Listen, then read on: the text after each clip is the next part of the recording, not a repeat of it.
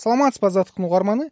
Экономикасы оор кырдаалга кептелген кыргызстанга инвестицияларды тартып жаңы базарларды табуу маанилүү болуп турат. Дал ушул суроонун тегерегинде биз бүгүн чет өлкөдөгү журтташтар менен талкуу жүргүзгөн турабыз. Талкууга украинадагы ишкер э, азамат исмаилов лондондогу кыргызстандык ишкер сыргак токтоналиев жана кыргызстандын соода өнөр жай палатасынын индиядагы өкүлү бектурган калыбек уулу катышат.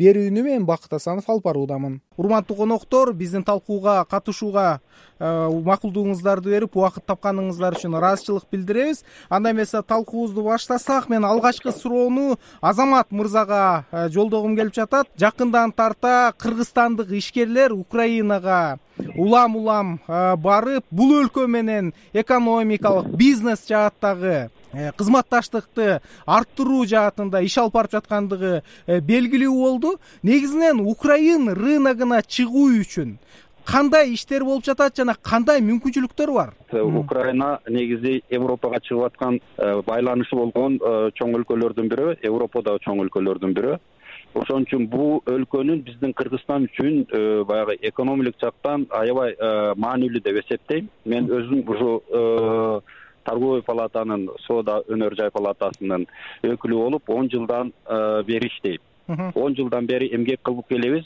Он жылдан бери биз биздин бизнесмендерди ушул өлкө менен тыгыз байланышып иштөөгө чакырабыз. Өткөн жума эле ошо э, агро тармакта биз э, бизнес форум өткөрдүк. Кыргызстандан он бешке жакын ишкер келип кетишти тилекке каршы биздин кыргызстандагы ишкерлер украина жөнүндө көп маалыматы жок бул э, бул жанагы биздеки көбүнчө орус каналдарынын болгондугунанбы билбейм. Украина жөнүндө көбүнчө негативдүү информациялар билинген билингени үчүн булар э, көп нерсени ошондой кабыл алып алган да. А бирок келип өздөрү менен өздөрү келип көзү менен көргөндөн кийин бул мамлекетте аябай чоң возможностьтор бар турбайбы. Бул мамлекет менен иштесе болот турбайбы деп иштешүүгө аябай кызыктар болуп жатышат. Эми э, биз буга чейин аябай көптөгөн бизнес форумдорду өткөрүп келгенбиз. Биз э, ошо бизнес форумдордун э, тажрыйба алып бир жыйынтыкка келгенбиз да. Биз отраслевой багыттык иш сапарларды жасап атабыз да.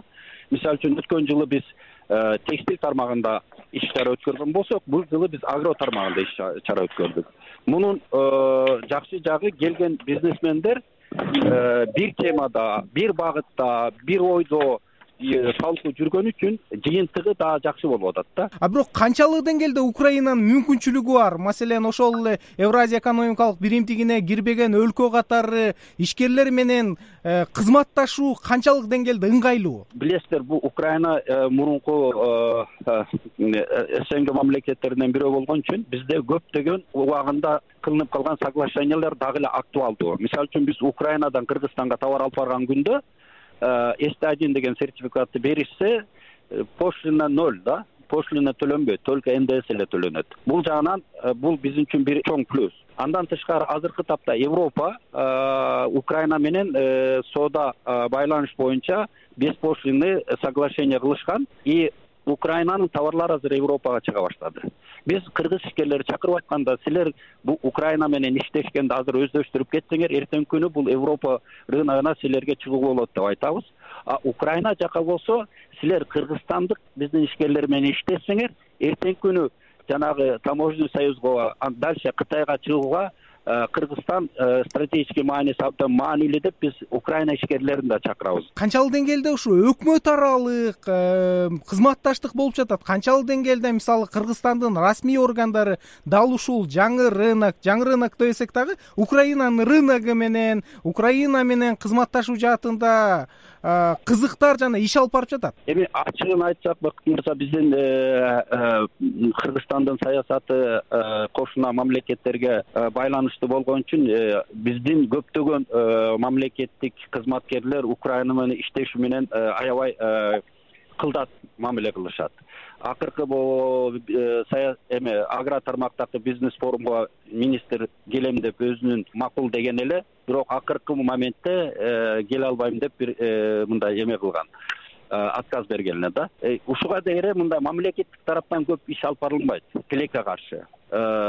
Биз баягы саясат өзүнчө экономика өзүнчө болуш керек. Менимче баягы экономический жаатта биз бул мамлекет менен иштешибиз керек. Мен буга үгүттөйм биздин келген мамлекеттик чиновниктерге да айтам. Бирок эмнегедир бизде аябай чоң коркуу бар да.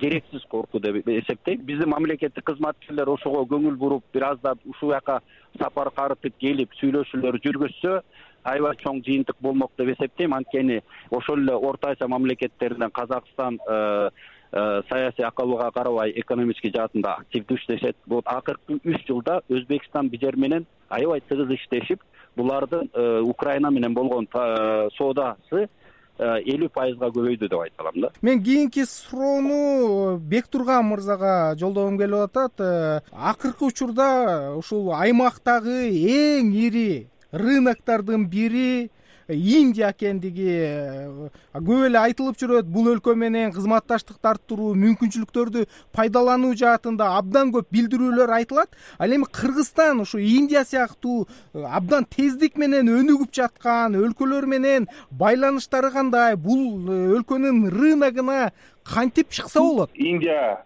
сиздер өзүңүздөр айткандай тез өнүгүп келаткан бир миллиарддан ашык населениясы бар индия менен товар оборотду эле алсак э, бүгүнкү күндө кырк миллионго ушундай чоң мамлекет менен кырк миллион доллар гана обороту бар экенибизге өкүнүч өкүнүчтүү болот. Жана кыргызстан анча көңүл бурбай атканына өзүм бир өкүнүчтүрөт да. Себеби э, ушул эле азамат э, мырза айтып кеткендей өзбекстанды башка казакстанды караганда взаимно болушубуз керек да. Кыргызстан бат бат аларды чакырып бат бат аларга барып э, көп көп э, бизнесмендерди тартып тартыш керек дагы. Мисалы айтып кетсек э, алар биздин кен байлыктарга кызыгат биздин туризмибиз потенциалды аябай жактырышат да. Көп эми менин билишимче бир он беш процент населениясы жака эс алышат да. Ушул азыркы күндө индиянын көп көп возможностью өтө көп миллионерлер бар өтө көп бизнесмендер бар. Кыргызстан жөнүндө көп билишпейт көп кыргызстан таанышпайт да биздин э, ошого бир өкүндүрөт да. Бектурган э, мырза эмне себептен ушу кыргызстандын индия менен ушу ишкердик жаатында экономикалык жаатта кызматташтыгынын төмөн болуп жатышынын себеби эмнеде биринчиден логистика өтө бизге жолуктуруп атат. Себеби бизде логистика өтө алыс болуп калат экен. Бизнесмендерге алардын бияктан алып келиш үчүн эле мисалы цифра менен айтсак бир контейнер жыйырма тонналык контейнер бизге он миң доллар менен келет экен да биздин э, эсептөө менен. Экспорт кылганда эле ошону бирдей эле.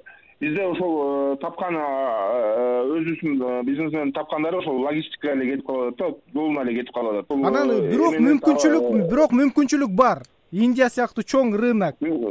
Бизде мисалы азыр аз аздан аз аз аздан гана өсүп атат. Мисалы индияга биз азыр Э, биздин фасолубуз индиянын рыногуна чыгып атат. Фасоль балыбыз аз аздан аз аз э, эми миллиард население конечно бул аздык кылат.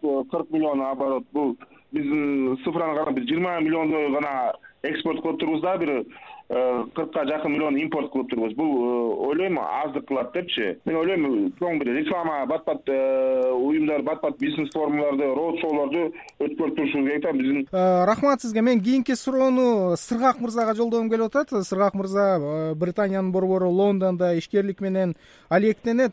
Сыргак мырза айтсаңыз мына британия сыяктуу дүйнөнүн финансылык борборундагы кыргызстан менен ушул жалпы эле европа менен дейли каржы инвестициялык байланыштарды сиз кандай баалайсыз? Учурдагы аракеттер кандай жүрүп жатат?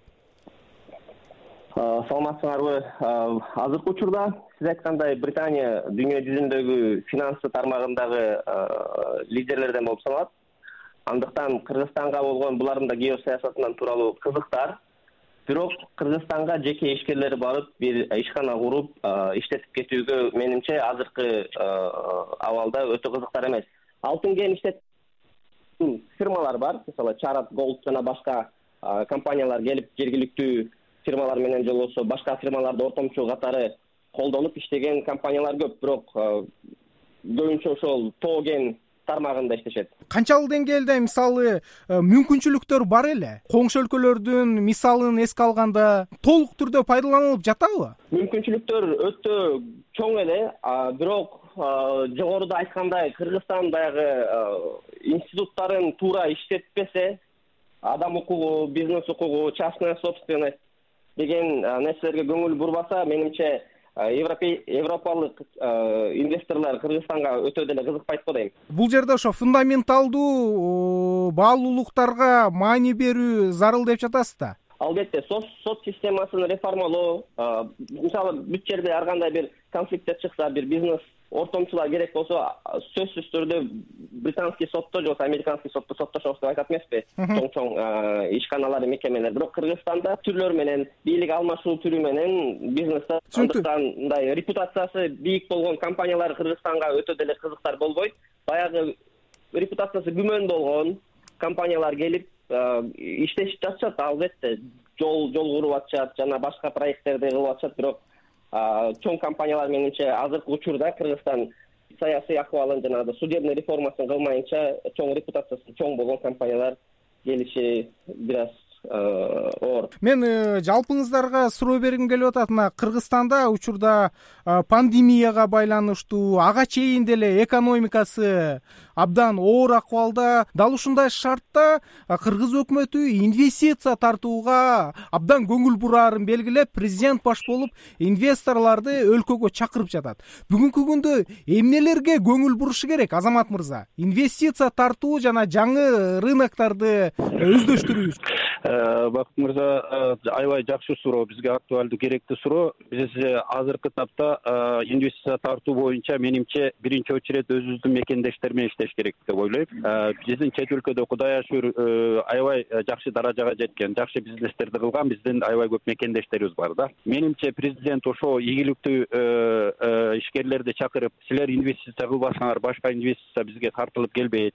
Силер бизге ушул максатта бир аз предлог болуп бергиле жасагыла деп баягы э, кичине жана орто ишкерлерди колдоо негизинде ошо биздин өзү мигранттарды биринчи очередь тартыш керек. Муну тартып атканда да региондорго тартышыбыз керек да. Биздин областной губернаторлор көп иштебейт мен украинадан мисал берип кетейин. Ар бир областтын өзүнүн жылына өткөргөн бир инвестиционный форуму бар губернаторлор өткөрөт. Бүтүн посольстволор менен бүтүн э, тышкы посольстволор менен өзүнүн посольстволору менен иштешип инвестиция тартуу багытында чоң инвестиционный форум өткөрүшөт. Биздин э, бул жерде соода өкүл катары биздин э, посольствонун сотрудниктерин жанын койбой чакырышат да. Анан ошол ар бир губернатор бизде жети областта жети инвестиционный форум өтсө жылына президент түздөн түз ошого катышса ошого да мекендештерибизди чакырып силер ушул өзүңөрдүн чоңоюп өсүп кеткен өзүңөрдүн областуңарга да инвестиция кел салгыла десе менимче көптөгөн биздин кыргыз мекендештерибиз салат. Бирок буга чейин мекендештер жана башка форумдар болуп келе жатпайбы? Же алардан э, натыйжалуулук болбой атабы алардан натыйжалуулук болбой атат. Көбү келип туруп проблемаларды айтып гана э, ошону менен тынып калып атат да. Проблемаларды чечүү багытында конкреттүү иштер алып барылган эмес ушуга чейин. Анан баягы э, өткөрүлгөн мекендештер форумунда көбүнчө өзүнүн э, максатынан тайып кетип атат. Ушуга чейин кылган болсо мындан кийин кылат деп ишенем. Ошолорду чакырып мына силер азыркы ушундай кыйын акыбалда инвестиция келбей турган убакытта силер жасабасаңар башка эч ким жасабайт деп ошолорду тартсак ошолордун инвестициясы бир аз жылып баштаса андан кийин тышкы э, инвесторлор келе баштайт. Анткени анын ошол эле бизнесмендин көптөгөн достору бар чет өлкөдө. Алар кылып аткан ишин көргөндөн кийин ага ишенип алар да келиши мүмкүн. А мунун эң жакшы жери биздин ичибиздеки кыргызстандагы ишкерлердин көбү монотонный иштеп көнүп калган экен да. Биз тыштан келип кан аралашып тышкы опыт менен ички опыт аралашса дагы да жакшы нерселер чыгат да биз ошого шарт түзүп бериш керекбиз деп ойлойм да. Мен кийинки суроону бектурган мырзага жолдоем мына сиз өзүңүз белгилеп кеттиңиз индия сыяктуу бир миллиард үч жүз миллиондон ашык калкы бар. Өлкөлөр менен бүгүнкү күндө кызматташтык көңүл жылытпайт депчи. Анан бир катар себептерин да белгиледиңиз. Бирок буга чейинки кылган аракеттерден натыйжа чыкпай жатышынын э, себеби эмнеде? Мен э, өзүм азыр азамат мырзаны кайра угуп э, аябай бир ойго келип атам да. Бизде жети э, область бар. Мен ойлойм ушул жети область бүгүндө бизге эмне бар? Кыргызстанда жети областка эмне салыш керек? Бүгүн кыргызстанда эмне э, эмне менен чакырсак болот? Эмне менен инвесторду тосуп алышыбыз керек? Биз инвестор кызыктар эмес биз кызыктар болушубуз керек деген бир лозунг айткым келет дагы. Ар бир губернатор ар бир э, министрди премьер министрди карабай ар бир губернатор өзү мен өзүм негизи бир мечтам бар да жети область индиянын жети кыйын области менен кыргызстандын жети областын байлап салыш керек аны индияда индияга мына биздин көлдөгү ипподромго индиянын күнүн өткөзүш керек. Индиянын ошол жердеги ар бир губернатор ар бир мекеме ар бир аким өзүнүн потенциалын көрсөтүш керек. Мына бул жерге гостиница салыңыздар ал жерге завод ачыңыздар бул жерде моундай месторождениябыз бар. Келсе өзбектер кандай кылат кайра өзбектер менен салыштырдык. Өзбектер керим э, бир он жылга налог төлөбөңүздөр беш жылга ндс төлөбөңүздөр биз моундай миллиондогон акчаны салсаңыздар мынча э, ндс төлөбөйсүң ошондой бир заманчивый предложенияларды бербесек индиялыктар бизге кирбейт биз өзүбүз отуруп келгиле десек болбойт. Биз барып аларды чакырып буга чейин эмне үчүн болбой келатат ушул сыяктуу иштер? Э, кыргыз бийлигиндегилердин кызыкчылыгы жокпу же жолун билбейби? Кызыкчылыгы жокпу. Мен ойлойм э, э, сырттан караганда бир конкуренция жүрүп атат. Эмнеге турцияга эмне үчүн кытайга эмне үчүн россия үч эле мамлекет мындай чоң чоң державалар мындай биз деле кыргызстан эмне үчүн биз э, жол э, тендерларга индия катышпайт? Эмнеге чоң чоң эмелерге индия аякта деле чоң жолдор салган аякта деле э, өтө айти технология билесиздер өтө индия бизге кызыктар. Биз барышыбыз керек. Бүгүнкү күндө биз аларга барышыбыз керек дагы. Момундай кыргызстан бар. Момундай келсеңиздер бизде жумуш орун арзан бизде свет арзан бизде жер алсаңыздар момундай болот. Бизде салсаңыздар мынча миллиондогон туристтер келет. Биз аларды алып келип бияка кызыктырып э, көп көп э, жолдорду эшиктерди ачып беришибиз керек да. Мен э, сыргак мырзага кийинки суроону жолдоем мына учурда кыргыз бийлиги инвестицияларды тартуу керектигин аларга баардык шартты түзүүгө убада берип келет. Анан сиз чет өлкөдө лондондо жашаган адам катары ушу кыргызстандын инвестициялык имиджин оңдоо үчүн эмнелерге көңүл буруш керек деген пикирдесиз жогоруда байкелер айтып өтпөдүбү бул баягы мындай кылсак болот. Баягы элибиздин чет мамлекетте иштеп аткан элибиздин патриоттук сезимин көтөрүп ар бир регионду ар бир инвестор чет мамлекетте ийгиликтүү инвесторлорго байлап салсак болот деп айтышпадыбы бакыт мырза ошондой эле биз дагы эки миң он төртүнчү жылы жаңылышпасам биз бул жерде биздин чакан компаниябыз бар болчу ошол компаниябызды биз сатып бул жерден болгон капиталыбызды кыргызстанга алып барганбыз. Анткени биздин балдарыбыз ошо кыргызстанда өссүн бияктын ассимиляциясына дуушар болуп калбасын кыргызстанда өссүн деп биз барып күрөзкана курганбыз. Италиядан абдан чоң проект запускать этип итальянецтерди привлекать этип кыргызстанга алып келгиле мына сиз айткандай еаэс менен иштешебиз. Бул жерде жанагы трубаларыңарды бүгүп жана тяжелый технологияңарды алып келбей эле койгула бирок ошо трубанын баарын итальянский трубанын баарын бияка алып келип анан бияктан бүгүп кайра күрөзкана салгандын ордуна бияка заводуңарды алып келип кургула деп биз сүйлөшкөнбүз. Алар макул болгон. Стартовый стартовый проект кылып күнөзкана салганбыз. Ассоциация күнөзканалар кыргыз күнөзканалар ассоциациясынын жетекчиси болгон жия жаш ишкерлер бизнес ассоциациясы менен өтө тыгыз иштештик. Ошентип бакыт мырза мен үч жылдай кыргызстанда буякта англиядагы компаниямды таштап бул жердеги стандарттарымды таштап мен үч жыл контейнерде жашадым келинчегим менен. Ушул ишти алдыга жылдырыш үчүн.